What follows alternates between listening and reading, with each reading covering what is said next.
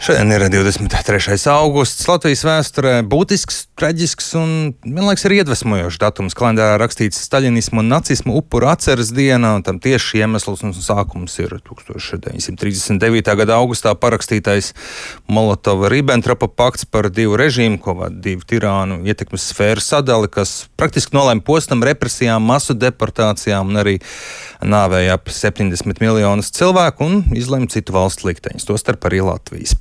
23. augusts šī paša iemesla dēļ ir arī sākums mm, savā ziņā Latvijas neatkarības atgūšanas procesam, Baltijas ceļa gada diena, un iespējams šī diena vēsturē ies arī kā diena, kurā sākts nojaukt tā dēvēto pieminekli pārdaugavā, bet uh, šobrīd esmu sazinājies ar tā māja deklarācijas klubu prezidentu Veltu Čebaterenoku. Labrīt! Labrīt! Jā, 4. maija deklarācijas klubs apvieno Latvijas Republikas augstākās padomas deputātus, kuri balsoja par Latvijas Republikas neatkarības atjaunošanu un mēnesi pēc Krievijas atkārtotā iebrukuma Ukrainā aicinājāt okupācijas stabu demontēt. Šodien tas iežogots, policijas apsargāts, ieradīsies arī smagā tehnika, lai to paveiktu.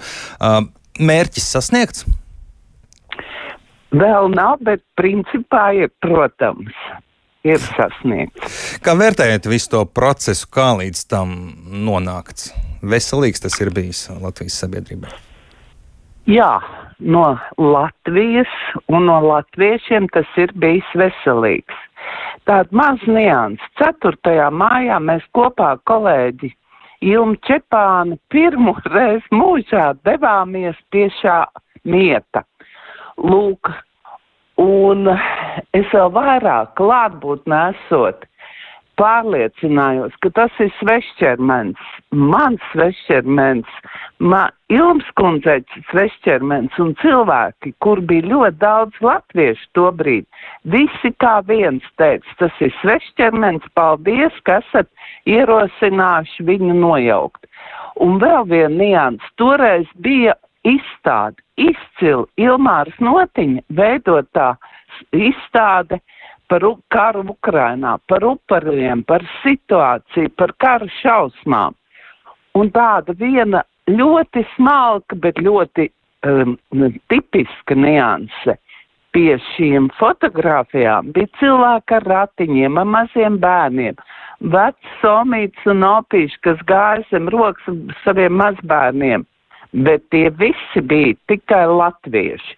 Un tas man kārtējo reizi pārliecināja, ka mēs esam pieņēmuši pareizu lēmumu, aicinot šo okupeklu nojaukt. Nu, vakar vakarā redzējām, ka bija pārdagā pieminiekta tūmā gan cilvēki, kuri atbalsta stabu nojaukšanu, gan tādi, kuri mm, pauda savu viedokli pret, arī iepriekš publiskajā telpā ir izskanējuši dažādi diametrāli pretēji viedokļi. Par to var izdarīt kādas secinājumus par to, nu, kādā cik vienotā sabiedrībā dzīvojam. Jā, protams, var izdarīt. Man jau tas bija arī diezgan agrāk skaidrs, jo es piedaru pie tiem, kas kā vien uzaicina kādu skolotāju, labprāt tur dodos un pārunāju stāstu gan par Latvijas vēsturi, gan par atmodu, gan arī par šodien. Labprāt uzklausu jautājumus un izsaka savu viedokli. Lūk, un tieši pirms 4. mājas viesojos vairās, vairākās Krievijas skolās. Jā, starp citu, es nelietoju terminu krievalodīgie, jo pie mums Jūrmalā mājās bija ukraiņu sievietes, kas bija atbraukušas, bēgušas no kara, un kopā ar mums sēž lupatiņas tīklos, aizsargu tīklos, ko mēs aizsūtījām atpakaļ uz Ukrainu, lai tur glābtu varbūt kāds karavīru dzīvības.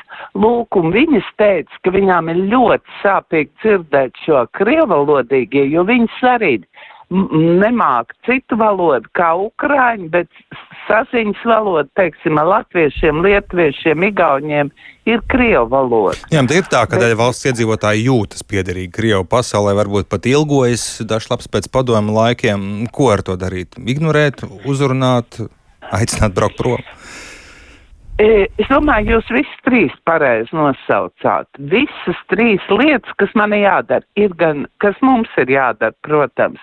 Daļa ir jau tāda, kas ir vienkārši jāignorē, Daļa ir tāda, ar kuriem varbūt ir vērts runāt un strādāt, un daļa tie, kur ir agresīvi, tie vienkārši nevis ir jālūdz, bet tie ir vienkārši jādeportē. Lūk, jo ne mēs nedrīkstam savā valstī pieļaut, ka mūsu valsti nicina. Ne par to mēs toreiz balsojām un cīnījāmies, lai tagad izjust naidu. Šiem cilvēkiem ir jāatrod valstī likumi, kas paredz, ka viņiem šeit nav iespējams dzīvot, ka viņiem ir viņa dzimtene, uz kur viņiem ir arī jārodas. Pat ja tā nav viņu, kur viņi dzimuši, tad vienalga ir arī jāizskata šie te pieteikumu, tā saucamās to e, vēl citas atļaujas, kas viņiem ļauj šeit dzīvot. Bet pie mums tik ir 50 tūkstoši Krievijas pilsoņi, kas apzināti nav pieņēmuši mūsu valsts pilsonību. Lūk, viņi nav pacentušies ļoti vienkāršos noteikumus izpildīt. Latviešu valodu, vēstures pārziņu. Un vienkārši izrādīt cieņu pret Latviju. Nu, ja viņi to nav darījuši, kāpēc viņi šeit dzīvo? Bet tā ir tikai viņu atbildība, ja arī jūs redzat, ka kopš neatkarības atgūšanas mēs arī šo, šo problēmu neesam varbūt risinājuši, un šī spriedze joprojām ir. Bet sakiet, lūdzu, ko vēl mums vajadzēja darīt? Krist ceļos un lūgties. Mēs gadiem esam bijuši ļoti toleranti. Svētdien mē, mēs pasniedzām piemiņas balvu manam dīžajam mīnījam dzēnieka viņa uh, Knutas Kuinīgi piedarīgajiem. Un man ļoti iespiedās Ines Zanders teiktie vārdi, ka gods latvietim ir gods pret sevi, un ja tev ir gods pret sevi, tev ir arī gods pret tiem, ar kuriem te, ka, kuri te dzīvo, ar kuriem tu runā, ar kuriem tu cieni viņus.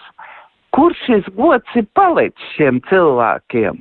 Kāpēc viņi sev nepiedarošā mums vienīgajā vietā pasaulē, kā saka Latvijas valsts prezidents katrā gandrīz savā runā, ka latviešiem vienīgā zeme, kur viņi var dzīvot, ir Latvija. Kāpēc viņi necien manu tautu, manu zemi?